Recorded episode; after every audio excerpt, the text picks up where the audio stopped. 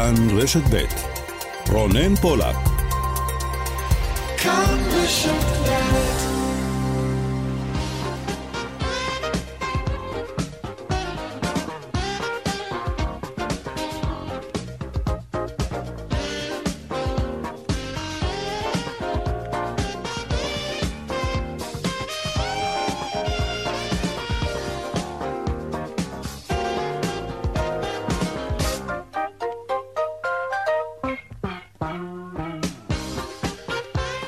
עכשיו ארבע ועוד חמש דקות, צבע הכסף, התוכנית הכלכלית כאן ברשת ב', שלום לכם ותודה שאתם איתנו. המספרים שהוצגו אתמול בדוח מבקר המדינה על מיליארדי השקלים השייכים לנו, ציבור השכירים ונשארים בקופת המדינה, הנתונים האלו הובילו כבר היום לגידול של ממש במספר הפונים לחברות הפרטיות העוסקות בהחזרי מס.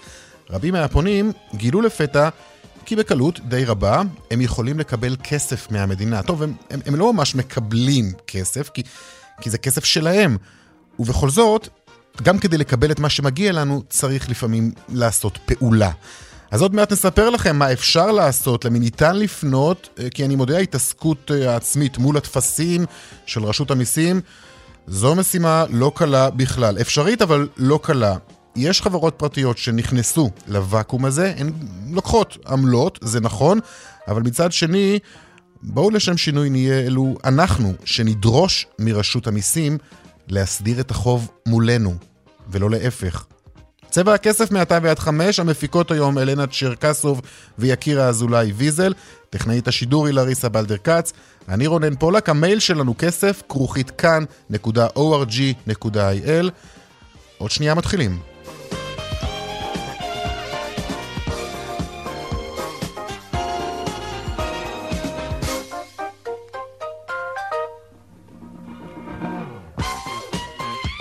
פותחים כרגיל בכותרות צבע הכסף, הסוף למשבר המתמחים, מאות רופאים מתמחים שהגישו מכתבי התפטרות במסגרת מאבקם לקיצור המשמרות, אה, החלו כבר למשוך את המכתבים. שלום דקלה אהרון שפרן, כתבתנו לענייני אה, בריאות. שלום רונן. ושעה זו ממש מסיבת עיתונאים של ראשי מרשם. ממש כך, ומתמחים אה, מכריזים באותה מסיבת עיתונאים על סוף המאבק אחרי פגישה עם שר הבריאות הורוביץ. דוקטור ריי ביטון, יושבת ראש מרשם, אמרה לפני זמן קצר, היום שמנו סוף לתורנויות של 26 שעות, סיכמתי כעת עם שר הבריאות את כל הפרטים, ואני שמחה לבשר שהמאבק הצודק שלנו הצליח. ביטון אמרה שגם כשאמרו למתמחים שלא צריך לדרוש יותר, הם ידעו שאפשר, ובזכות המאבק שלהם בעצם הם הצליחו והתורנויות של 26 שעות אה, הסתיימו. שר הבריאות הורוביץ צייץ אה, בחשבון הטוויטר שלו לפני זמן קצר שהמהפכה של קיצור התורנויות יצאה לדרך.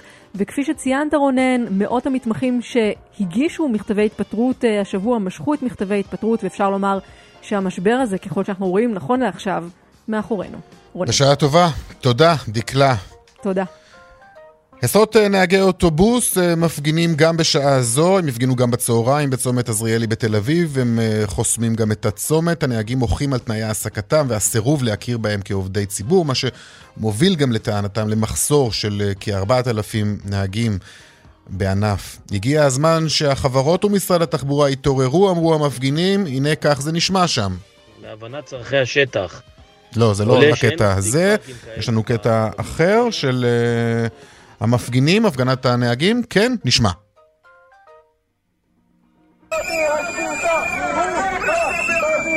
אם המדינה תרצה בזה, אם המדינה תיקח אחריות, אם משרד התחבורה רק אם יעלו את השכר לשעה. השכר צריך לעלות ל-55 שקלים על מנת שכולם יבואו לתחבורה הציבורית. כך זה נשמע בהפגנה שם בתל אביב. יוזמה מבורכת של המשרד לפיתוח הנגב והגליל, הקמה של עשרות פארקים נגישים המותאמים לאנשים עם מוגבלויות באזורי הפריפריה.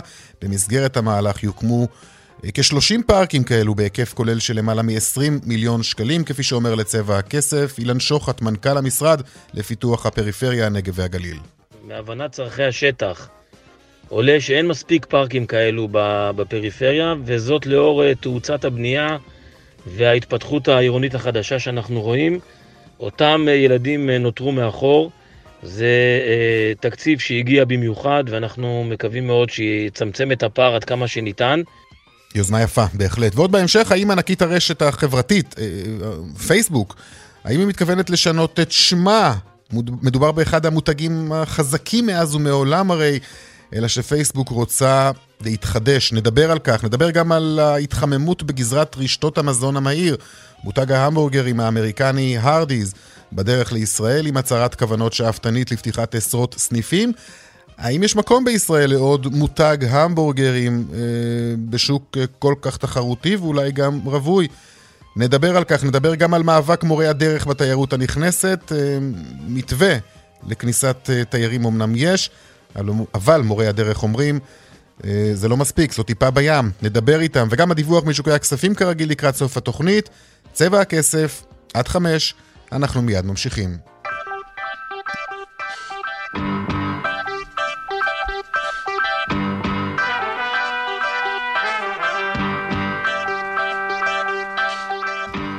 פותחים בכספים שלנו, אה, השוכבים בקופות אה, מרתפי רשות המיסים. עסקנו בכך אתמול בהרחבה, שלושה מיליארד ושש מאות מיליון שקלים, מיסי עודף שגבתה רשות המיסים מציבור השכירים בישראל, אה, כמיליארד שקלים בשנה.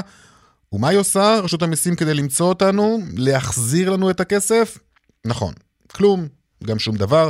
ואת הנתונים האלו פרסם אתמול משרד אה, מבקר המדינה בדוח השנתי שלו שעסק בתחומי הכלכלה והתשתיות. ואחרי התזכורת הזאת, בואו ניקח את הסיפור הזה צעד אחד קדימה, ננסה גם להבין מה אנחנו יכולים לעשות כדי לקבל את הכסף שלנו בחזרה. שלום רועי קמחי, שותף, מייסד ומנכ"ל חברת הסטארט-אפ אה, פיבו, המתמחה בהחזרי מס. שלום רועי. אהלן, אחר צהריים טובים. בוא נקדים ונאמר, כי יש לא מעט חברות בשוק שעוסקות בתחום הזה של החזרי מס. אה, חברת אקסון למשל, גם היא, שגובה 8 שקלים בחודש ממינוייה, ויש עוד חברות אה, בשוק, ויש גם את החברה שלך. רועי, עד כמה הופתעת אתמול מהנתונים שפרסם משרד אה, מבקר המדינה? האמת שלא הופתענו כלל וכלל. אנחנו אחרי כמה עשרות אלפי לקוחות שעברו אצלנו, אנחנו רואים את הנתונים האלה חדשות לבקרים.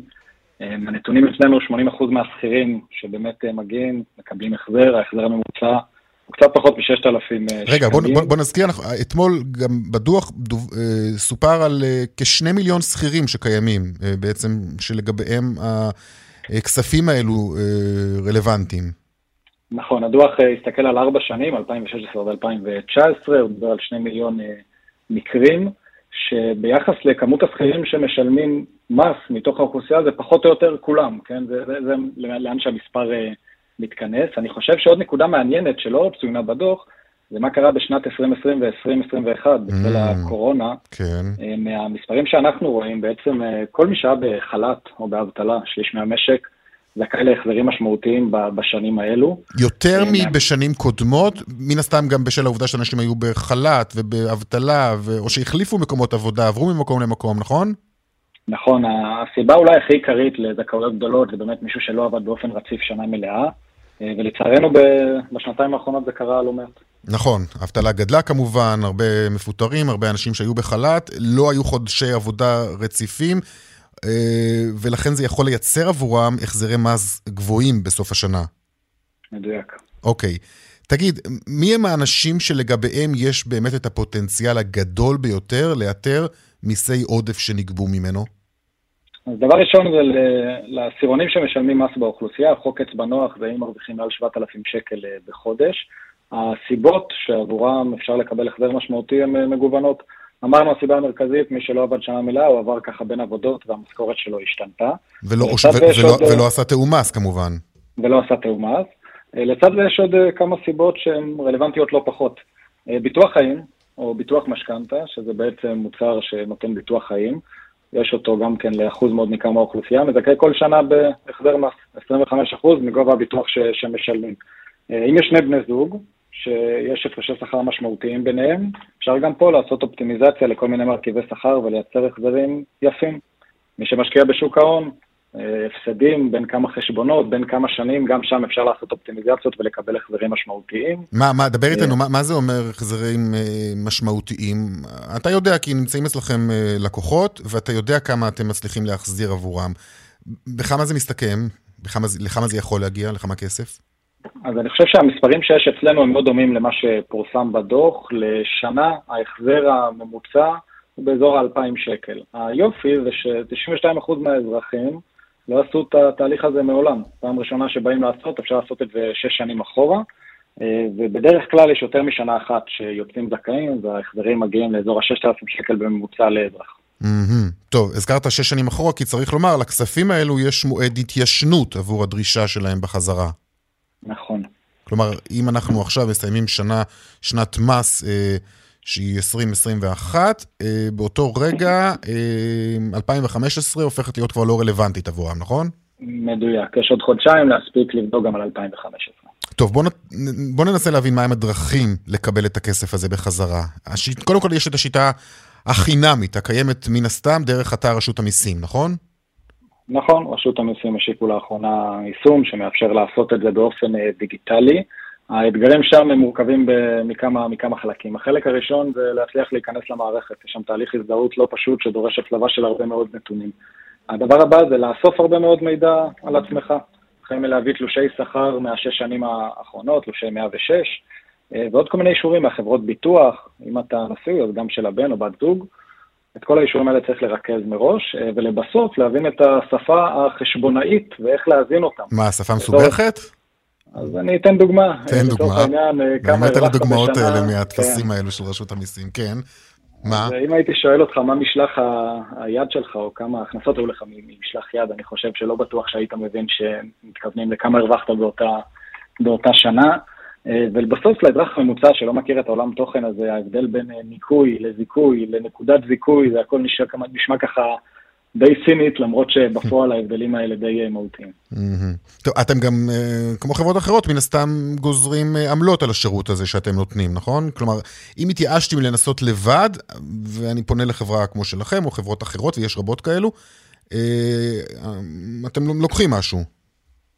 אה, נכון, נכון, אני חושב, שמע, כמו הרבה תחומים בחיים, אה, אפשר לעשות דברים לבד, אבל אפשר ללכת לבעל מקצוע שיעשה את זה בשבילך, יחסוך לך את הזמן, והרבה פעמים גם יביא תוצאה יותר טובה. כמה, בדיקה... על, על כמה מדובר בדרך כלל בעמלות? אני חושב שהשוק הוא מאוד, אה, הוא מאוד רחב, כשאנחנו נכנסנו אליו לפני כמה שנים, היה נהוג לקחת באזור ה-20-25 אחוז מגובה ההחזר, ועוד איזושהי עמלה על הבדיקה עצמה. אנחנו באנו עם מודל קצת אחר, בגלל הבסיס הטכנולוגי שיש לחברה. הבדיקה היא בחינם, אנחנו לוקחים 12% מגובה ההחזר, רק אחרי שההחזר נכנס לחשבון בנק של הלקוח. אה, ואני אשמח בהזדמנות הזאת להמליץ לכל מי שהולך לבדוק ובוחר באיזשהו שירות, אז לבחור בשירות שבאמת אין בו אותיות קטנות, לא משלמים שקל עד שמקבלים... רגע, למה? כי יש גם הרבה נוכלים בתחום הזה? ואתה יודע, אני, גם אצלכם וגם בערוצים אחרים אוהבים אה, לעשות כתבות ככה על כל הנוכלויות והרמאויות שיש, ולצערי יש. אמ, הדרך להגן על זה מורכבת מכמה דברים. אה, דבר ראשון, לראות שבאמת במודל לא משלמים שקל עד שמקבלים את ההחזר לחשבון בנק mm-hmm. שלך, של הלקוח.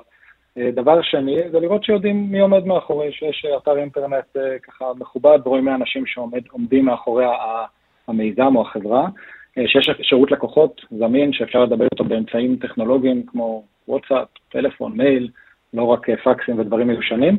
והדבר הכי חזק בסוף, כמו כל שירות, זה שמגיעים לזה מהמלצות של אה, חברים שהתנסו וקיבלו תוצאות טובות. אוקיי, טוב, לסיום אני רוצה לשאול אותך, אמ, איך זה נהוג בעולם, אה, רשויות המס אה, מול התנהלות של אזרחים בכל הנוגע להחזרי מס?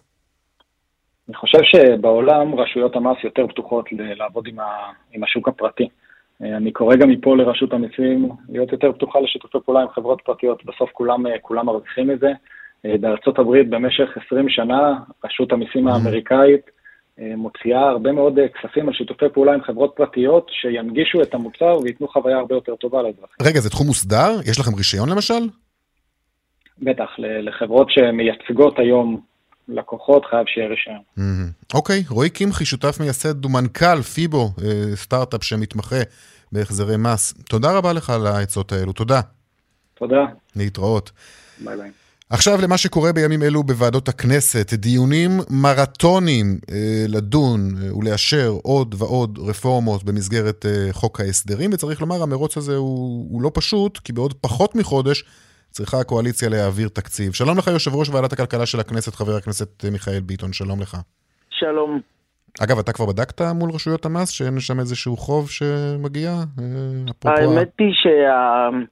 הפעולה הזאת נדרשת ואדם יכול לעשות אותה כל שבע שנים כדי שלא תהיה התיישנות אני חושב שעשיתי את זה פעם אחת בחיים, mm. עם חייל מילואים שלי שהוא רואה חשבון, אבל אני צריך לבדוק, אבל... תראה, הוא שמע, יש שם הרבה כסף, אולי... אה, נכון, אבל צריך לטפל בבירוקרטיה הביתית, ואנחנו פה בכנסת. אוקיי. okay.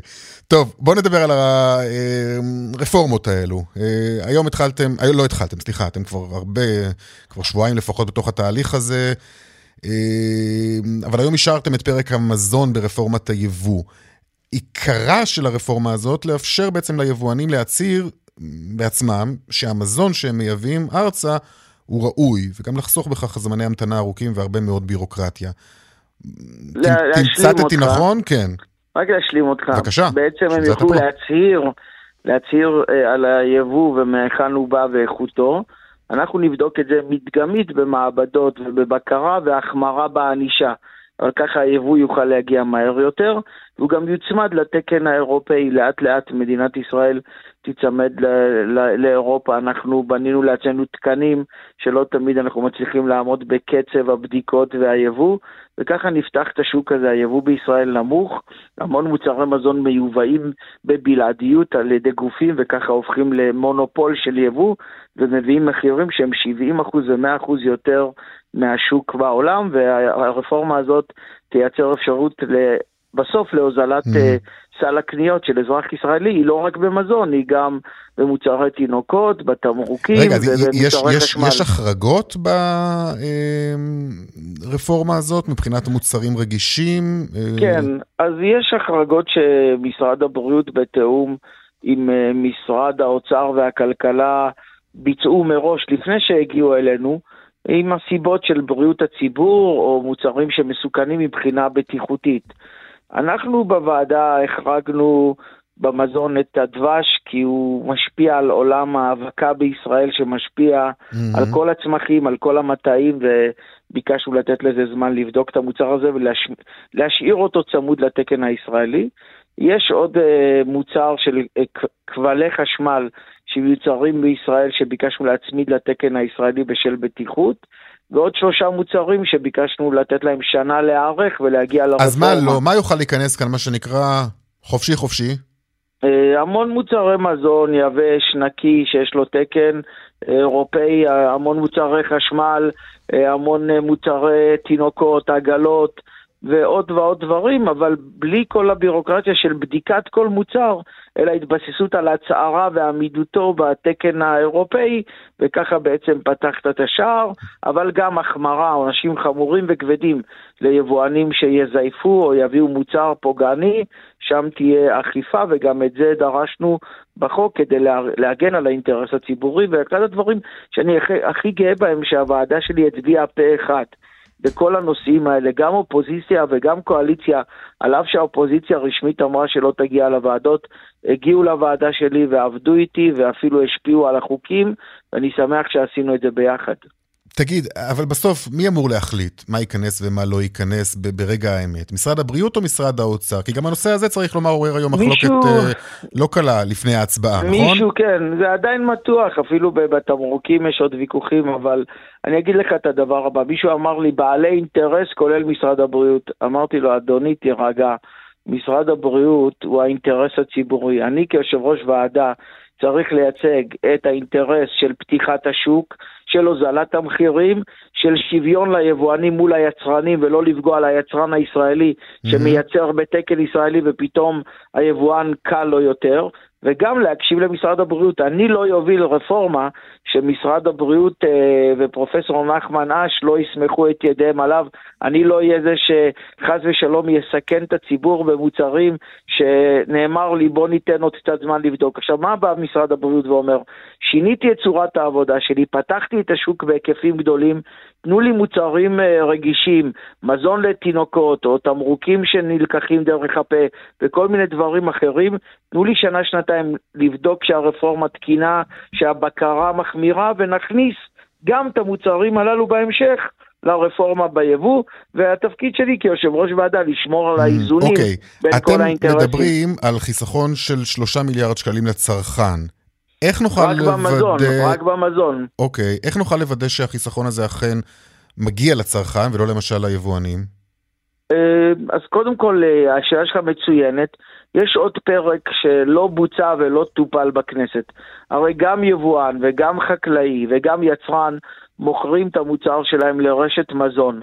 ורשת המזון יכולה להפקיע מחירים אם נראה שיש ריכוזיות ורשתות מזון mm-hmm. ומספר חברות מצומצם ובעצם מפקיעות את המחירים. אז כדי שבסוף היצרן יקבל מחיר זול יותר, נידרש להגיע גם לרשתות המזון ולראות שאין קרטלים ואין ניצול של האינטרס הציבורי. אבל בינתיים הגדלת היבוא והתחרות והיבוא המקביל תייצר יותר מוצרים זמינים ובטוח תוזיל את המחירים. אנחנו בוועדה כן. קבענו תחנות בקרה ומעקב על החוק הזה כל חצי שנה ושנה, לדעת שנעמוד ביעדים וביישום שלו. מיכאל ביטון, חבר הכנסת מיכאל ביטון, אה, אני אגיד לך מה, אתם עובדים קשה בימים האלה, ללא ספק להעביר רפורמות של שנים בתוך אה, שבועיים. רפורמת היבוא והמזון והתמרוקים ובנקאות פתוחה ונתיבים מהירים. אתה לא חושב שזה קצת, איך נגדיר זאת, אה, חפיף? זאת שאלה מצוינת, לא עבדנו חפיף. עכשיו יש לזה שתי תשובות.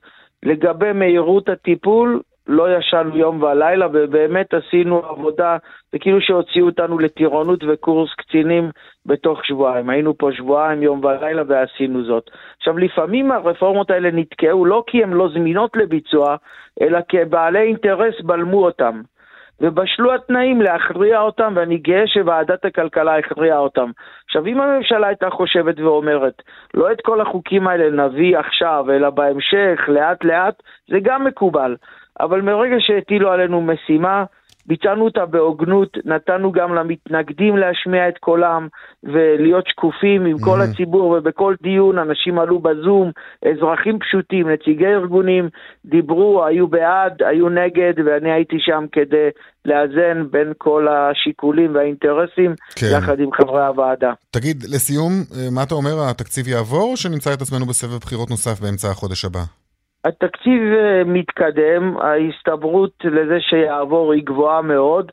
תמיד יהיו. אה, אתה לא חותם על זה במאה אחוז?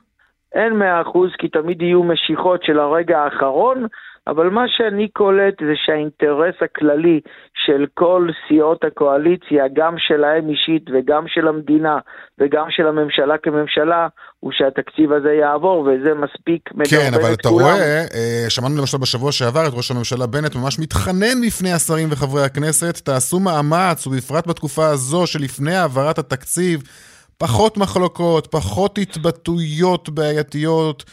אלא שתראה מה קורה מאז. צודק. אנחנו רואים מאז אבל רק את המחלוקות, את המחלוקות רק אני... גוברות, ואת הסדקים רק מתרחבים. אני מפריד בין הצהרות ונאומים והקצנה של מסרים, שהיא גם מיותרת אם אין לה כיסוי במעשים, לבין התנהלות. בסוף, כשאני מסתכל בחדרי חדרים, הקואליציה מעבירה את החוקים שלה, העבירה את החוקים בוועדות באופן נמרץ וסדור, ולכן ההסתברות mm-hmm. שהתקציב יעבור הוא גבוה. מיכאל ביטון, חבר הכנסת מיכאל ביטון, יושב ראש ועדת הכלכלה של הכנסת, תודה רבה לך. תודה רבה, טוב להיות אצלכם, תודה, תודה רבה. תודה, להתראות. עכשיו לטרור החקלאי, מה שכבר מזמן הפך למכת מדינה, הוא תמונת אולי ראי גם של אובדן המשילות של שלטונות המדינה לאורך שנים. אה, והלילה עוד מקרה של הצתה בקיבוץ, בקיבוץ שניר הפעם, אה, וזה נגמר אה, במרדף משטרתי שהוביל גם למעצר מוצלח של שני חשודים תושבי טובא זנגריה. שלום לך ניר מאיר, מזכ"ל התנועה הקיבוצית. שלום וברכה. קודם כל ספר לנו מה קרה שם. כמו שאתם יודעים, הציתו, רדפו, תפסו. זה מקרה ששמענו על... כן. בסוף, בסוף היום זה באמת לא חדש. זה מה שאני מנסה להבין. נמשך, כלומר, כמה מקרים כאלו ישנם שאנחנו לא שומעים עליהם? רבים. בהרבה מאוד מקרים אה, לא מדווחים כי אין טעם, ובחלק מהמקרים לצערי גם נכנעים לפרוטקשן. נכנעים לפרוטקשן. וזו תופעה שהולכת וצוברת תאוצה, או שאתם כבר התרגלתם במגזר לא הכפרי? לעולם לא מתרגלים לדבר הזה. כשאתה רואה את אה, עמל אה, זיעת אפיך נשרפת, אתה אף פעם לא אה, מתרגל. ובכל... יחד עם זה, כן. יחד עם זה, בש... בימים האחרונים, בשנה האחרונה, כבר כל עם ישראל חשוף לאלימות המתפרעת הזאת, אנחנו חשופים לזה כבר שנים. והמשטרה עושה יותר? אתה, אתה מרגיש שעושה יותר כדי לשים ידיה על החשודים? אה, שלטונות החוק, בתי המשפט, המדינה? אה... קודם כל, אני חייב להחמיא לשר לביטחון פנים, שמלווה אותנו עוד מתפקידיו הקודמים באופוזיציה, או כשהוא בכלל לא היה חבר כנסת. הוא מכיר את התופעה והוא ער לה. אבל השמיכה המשטרתית קצרה. ואנחנו, כן, אנחנו מרגישים חשופים, היינו חשופים ונשארנו חשופים. המצב לא החמיר. הוא היה רע והוא נשאר רע. מה עוד ניתן לעשות, תגיד? זה באמת, אנחנו שומעים את המקרים האלו, אנחנו חושבים על אותם אה, חקלאים, מגדלי בקר, ואני לא יודע, כל כך הרבה אנשים כאן... טובים שעוסקים בעבודה הזאת, מגיעים בבוקר ורואים את הנזקים העצומים האלו. זה הרי נורא. ראשית, ראשית, מערכת המשפט הפנימה שיש כאן תופעה, ויש החמרה בענישה, והיד קצת יותר קשה על ההדק. וזה מרתיע? זה לא מספיק. זה לא מספיק. זה מרתיע? איזה מרתיע? איזה מרתיע? לא? אתה רואה את האלימות שמשתוללת בכל רחבי ישראל, המשטרה איבדה את ההרתעה שלה. צריך יהיה לעשות כאן עבודה מסודרת, שיטתית, ולטפל בכנופיות האלה, שמתפרנסות מהרבה דברים, וגם מפרוטקשן. וכשיטפלו בכולם, יגיע סוף סוף גם אלינו, אני מקווה. תגיד, אנשים גם אה, עוזבים, זונחים את המקצוע שלהם, את uh, הפרנסה לא, הזאת, את האהבה הגדולה שלהם כל, לתחום, uh, ונכנעים, מה שנקרא? נאלצים? חקלאות מקצוע קשה, נכון. חקלאות מקצוע קשה בכל מזג אוויר. היא קשה יותר עכשיו, שגם uh, מפנים נגדנו את דעת הקהל, ואנשים שזו דרך, דרך חייהם לא מתייאשים ולא עוזבים, הם נחושים. הבעיה היא שצעירים uh, מתלבטים אם להצטרף. כי כשאתה חשוף לפגעי מזג האוויר, ולמדיניות משרד האוצר, ולמדיניות אגף התקציבים, ובסוף עוד שורפים לך, זה באמת מייאש. אז איש צעיר לא בוחר את זה בתור, בתור אה, דרך חיים. תגיד, ורבים אכן נאלצים להיכנע לפרוטקשן? אה, אני לא, אין לי את המספרים המדויקים, אבל ככל שאני יודע, לא מעט. טוב, ניר מאיר, מזכ"ל התנועה הקיבוצית, תודה רבה לך. ואנחנו מחכים לשר ביטחון פנים ולמשטרת ישראל שיתארגנו וישיבו מלחמה שערה, כמו שהתחילו הבוקר. בהחלט. זאת התחלה טובה. תודה לך. תודה. להתראות. תודה לכם, שלום שלום. דיווחי תנועה.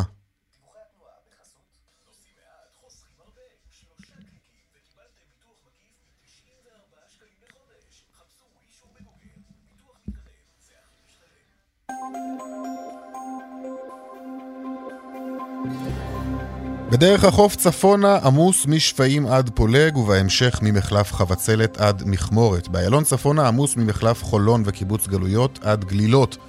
דרומה ממחלף רוקח עד לגוארדיה.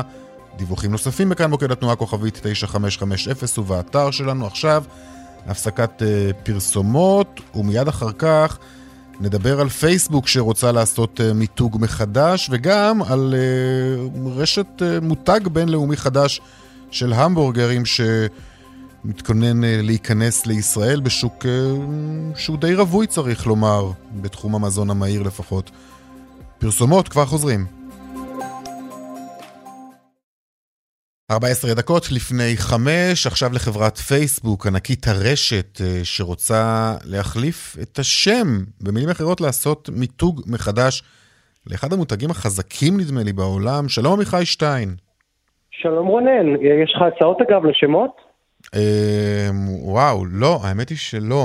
אבל אני מנסה לדמיין את, סתם, דוגמה, קוקה קולה שעושה מיתוג מחדש. הרי יש לך מותג מנצח, למה להחליף? אה, אנחנו יכולים להיזכר אולי במותג הכי מפורסם שעשה מיתוג מחדש בשנים האחרונות זה גוגל.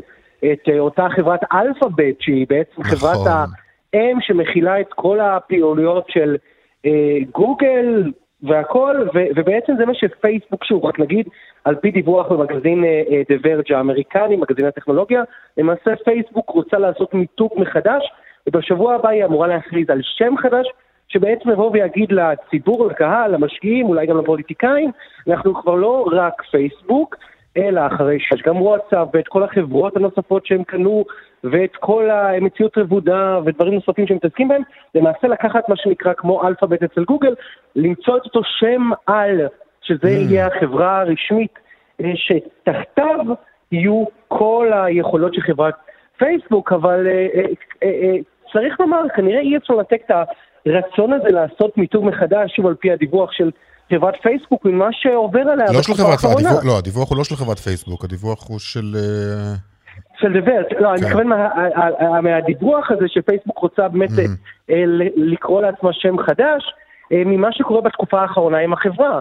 אנחנו רואים מה שקורה מבחינת, לדוגמה, בסנאט האמריקני, בקונגרס האמריקני, את כל אותן חקירות על מה פייסבוק עושה ואיך היא מנצלת את תמימות הגולשים ואת זה שבעצם הם אימפריה של מלא חברות ויש כבר קריאות לפצל אותה ואנחנו רואים מה קורה פה בארץ עם אותה ועדה ש... שר התקשורת הנדל רוצה להקים, שגם תבחן האם יש לחברה אחריות משפטית. ובמילים אחרות, יכול להיות שהם הבינו שהמותג פייסבוק כבר לא מותג מנצח כמו שהיה פעם, ובעקבות באמת ה, אה, מה שקורה עם החברה בחודשים האחרונים, את אותה ביקורת מאוד גדולה נגדה, הגיע הזמן, מה שנקרא, mm-hmm. לצאת במיתוג מחדש. לא בטוח שזה יעזור, אגב, אה, צריך לומר, רונן. יכול להיות אבל שהמותג הזה... שהיה אולי, תסלח לי על המילה הבומרית קצת, הכי מגניב וצעיר אה, בתחילת המילניום. גזעי אל תשכח, גזעי אל תשכח כמובן. מה, יכול להיות שזה הפך למותג קצת אה, עייף, שלא לומר עתיק? כי הבת שלי למשל, בת 11, היא אומרת לי כל הזמן, פייסבוק זה שלכם, של ההורים, לא, לא שלנו. אני חושב שזה בעצם מה שפייסבוק רוצים לשדר. אה, למעשה, קודם כל זה יכול להיות מסר כפול. מצד אחד גם לבוא ולהגיד, אנחנו לא חברה של רק דבר אחד, אלא של הרבה מאוד מוצרים, אבל גם לבוא אולי ולהגיד בעצם לכל אלה שקוראים לפרק את החברה, אם uh, אתם באים ומשאירים אותנו רק עם פייסבוק והופכים את וואטסאפ לחברה נבחרת, נפרדת והופכים את אינסטגרם לחברה נבחרת, למעשה אתם משאירים אותנו בלי כלום, כי כמו שאמרת, פייסבוק זה לא אותו mm-hmm. מותג שהיה פעם, כלומר זה לא הרשת שכולם שם, יש היום המון רשתות, אה, וכולם מתחלקים על פני אותם רשתות, ולכן למעשה גם יכול להיות שזה מסר אולי לאותם פוליטיקאים שקוראים לפרק את החברה אה, משאר נכסיה, הם יבואו ויגידו להם, חברים, פייסבוק זה נהדר, אבל זה כבר לא הדבר המרכזי שאנחנו עושים, יש לנו עוד הרבה מאוד דברים, כן. ולכן אם תיקחו מאיתנו את אותם דברים, אנחנו בעצם אולי נשאר בלי כלום. אתם לא הכי מגניבים בשוק. טוב, בואו נדבר על... בואו נרגיע שבכל מקרה מרק צוקרברג אה, לא יישאר אני ואביון אגב. טוב, בואו נמשיך לדבר על, בוא נמשיך לדבר על צוקרברג וגם על הוועדה של השר יועז הנדל לצמצום כוחה אולי של פייסבוק. איפה זה עומד?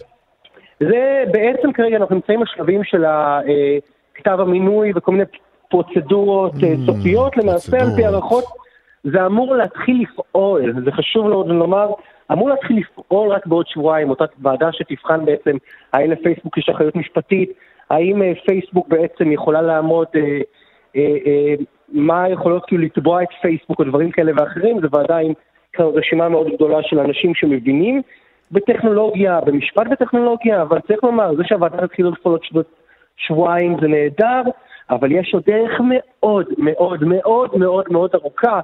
אם בכלל נגיע למצב שיהיה איזשהו פיקוח בישראל, עוד שבועיים זה אולי יתחיל לפעול, סליחה על הרעש ברקע, אבל הדרך למסקנות עוד מאוד ארוכה. עמיחי שטיין, כתבנו, תודה רבה לך. תודה.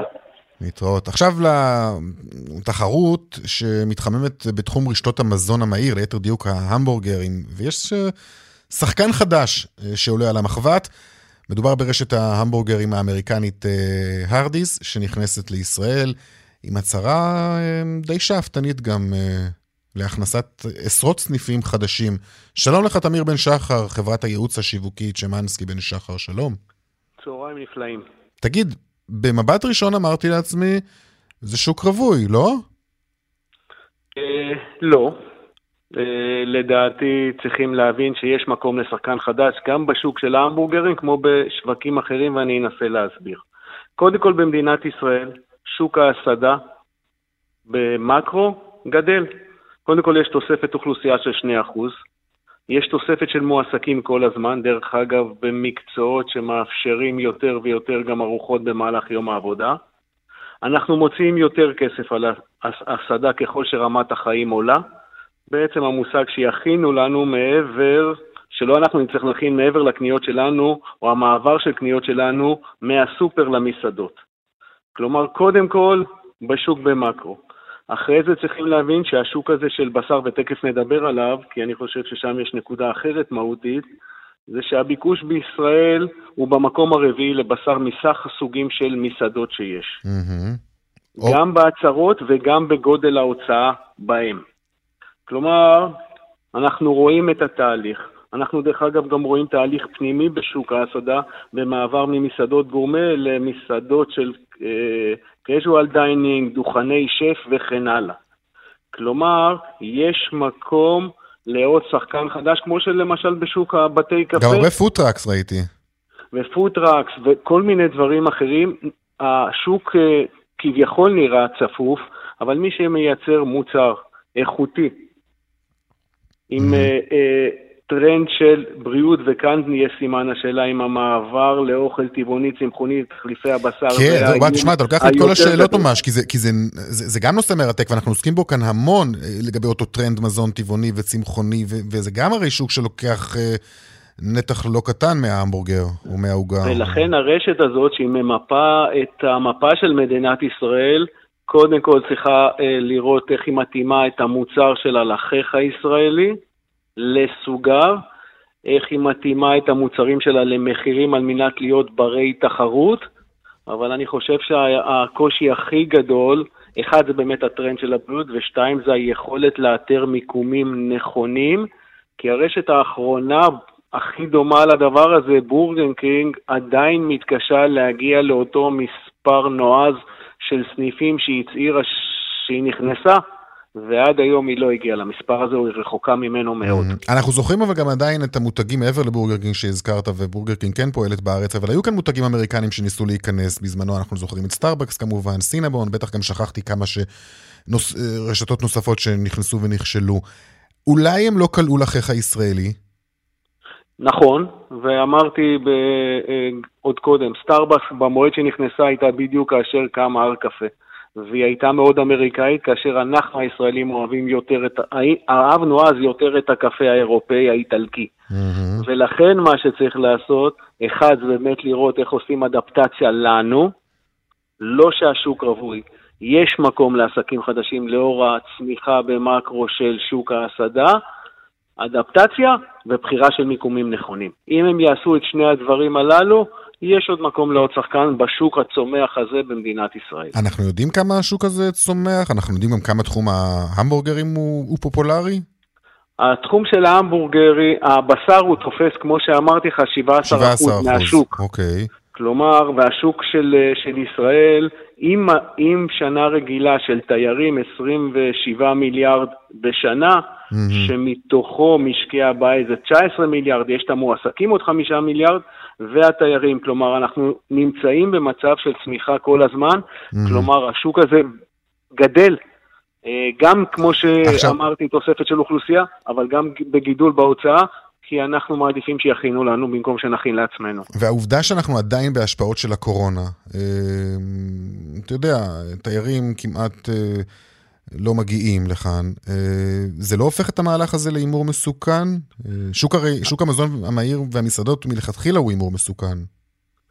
קודם כל, שוק ההסעדה זה השוק הכי מסוכן בעולם העסקים. אחרי חמש שנים, רק 35% מהעסקים שנפתחים בתחום ההסעדה שורדים. זה ברור לנו קורונה משפיעה, אנחנו לא נחזור לאותן התנהגויות שהיו לנו לפני הקורונה, אה, אבל עוד פעם, גם שם אנחנו חלק מהדברים שוכחים וחלק מהדברים אנחנו כן נעשה. אה, יצטרכו לעשות התאמות, כמו שרשתות הבתי קפה מבינות שעכשיו אה, המותג הזה או המוצר הזה שנקרא בתי קפה, שהכרנו פעם, קפולסקי החדש, mm-hmm. כבר לא רלוונטי, גם בשוק הזה יצטרכו לעשות התאמות, אבל הרשת הזאת נכנסת לא לשנה הבאה ולא לעוד שנתיים.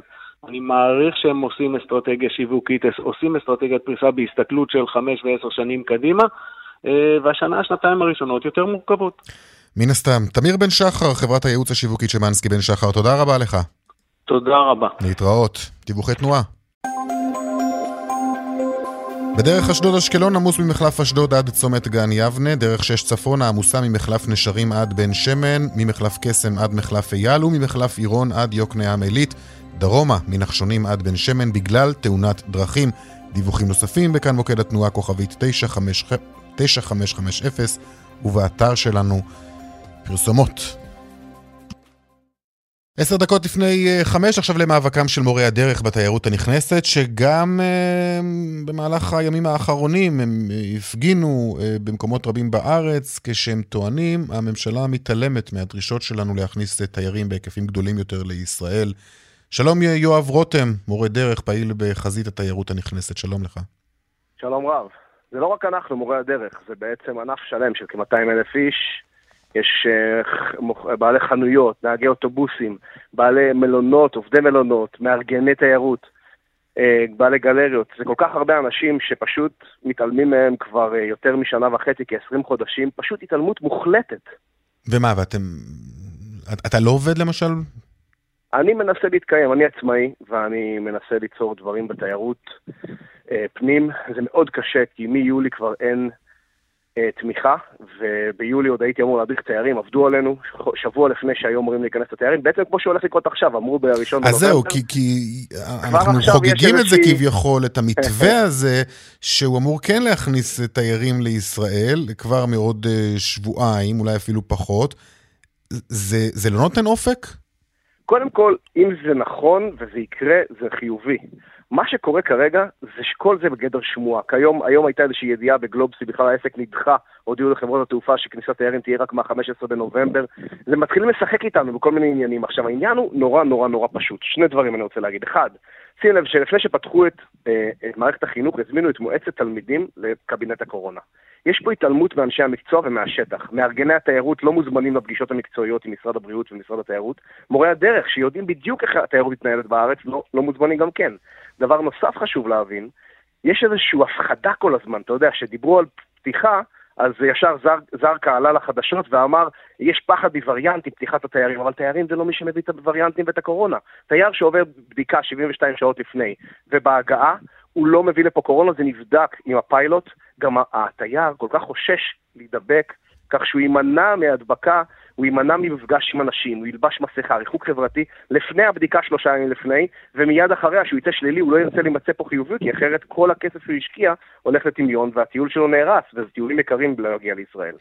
תגיד, כמה, אז... אמורים, כמה תיירים אמורים להגיע לכאן במתווה הזה? תשמע, אני שומע... בוא, בוא, ננסה, בוא ננסה גם להשוות לתקופה שהייתה לפני הקורונה. צריך להסתכל, צריך להסתכל, התקופה לפני הקורונה, 2019 הייתה עונה של, תקופה של שיא, 4.5 מיליון תיירים בישראל.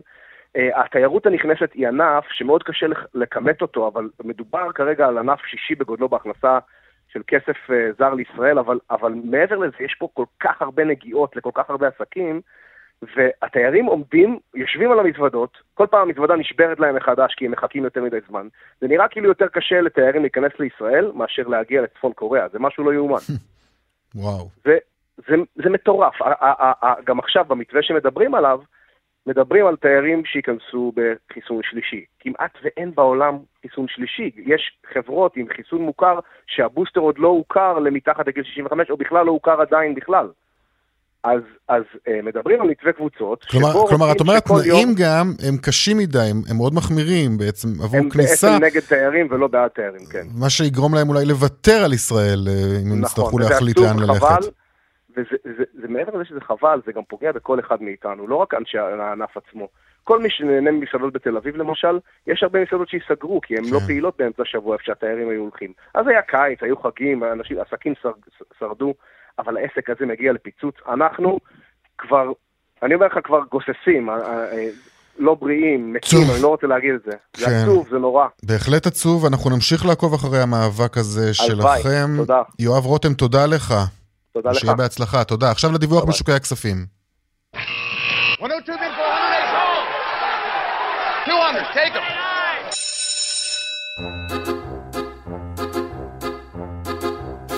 שלום אלה אלקלה, יושבת ראש ה-IBI קרנות נאמנות. שלום, שלום. מה היה לנו היום בשווקים? היה קצת אקשן, דווקא המחזורים היו נמוכים, 930 מיליון אה, שקלים במחזור מעורב, המעוף תל אביב 35 עלה ב-0.33, תל אביב 90 ירד ב-0.1 והמניות הקטנות עלו ב-0.56. אה, היו דווקא כמה עסקאות אה, מעניינות. אם אה, להמשיך את השיחה הקודמת שלך, אז אה, דווקא חברות המלונאות הגדולות, כגון ישרוטל, ממשיכות להתרחב, מנצלות את ההזדמנות אולי שיש בעיות לקטנות. Uh, עסקה אחרת הייתה uh, בתחום הפודטק. Uh, עסקה שהקפיצה את החברה Next Farm ב-12%, ובתחום התפלת המים הייתה עסקה של 900 מיליון שקל שמקורות שלחה, לג... מכרה לג'נריישן ושפיר. בארצות הברית ה-S&P בירידה של 1.27, הדאו פותח בעלייה של 0.04, הנסדק בעלייה של 0.14 אחוז.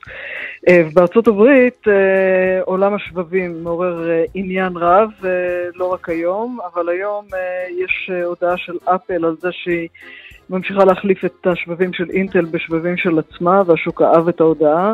נטפליקס ממשיכה לייצר כותרות וכותרים. Mm-hmm. דיווחה שמשחקי הדיונון תרמו כמעט מיליארד דולר לשווי. אה, כן.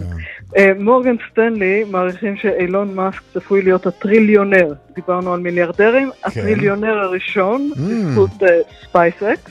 אוקיי. ומנכ"ל עליבאבא נצפה לראשונה מחוץ לסין. אלה אלקלעי. תודה רבה לך, יושבת ראש ה-IBI קרנות נאמנות, תודה. אה, זהו, סיימנו, מהדורת יום אה, רביעי. מפיקת התוכנית אה, אלעד צ'רקסוב, תודה גם ליקירה אה, אזולאי ויזל. טכנאית השידור היא לריסה בלדר כץ, אהוד כהן על דיווחי התנועה. אני רונן פולק, המייל שלנו כסף, כרוכית כאן.org.il, אתם מוזמנים לפנות אלינו גם בטוויטר, חפשו אותנו שם, יאיר ויינרב או רונן פולק. מיד אחרינו שלי יחימוביץ' ויגאל גואטה. נשוב וניפגש כאן עם תוכנית נוספת של צבע הכסף ביום ראשון, בארבע. להתראות, ביי.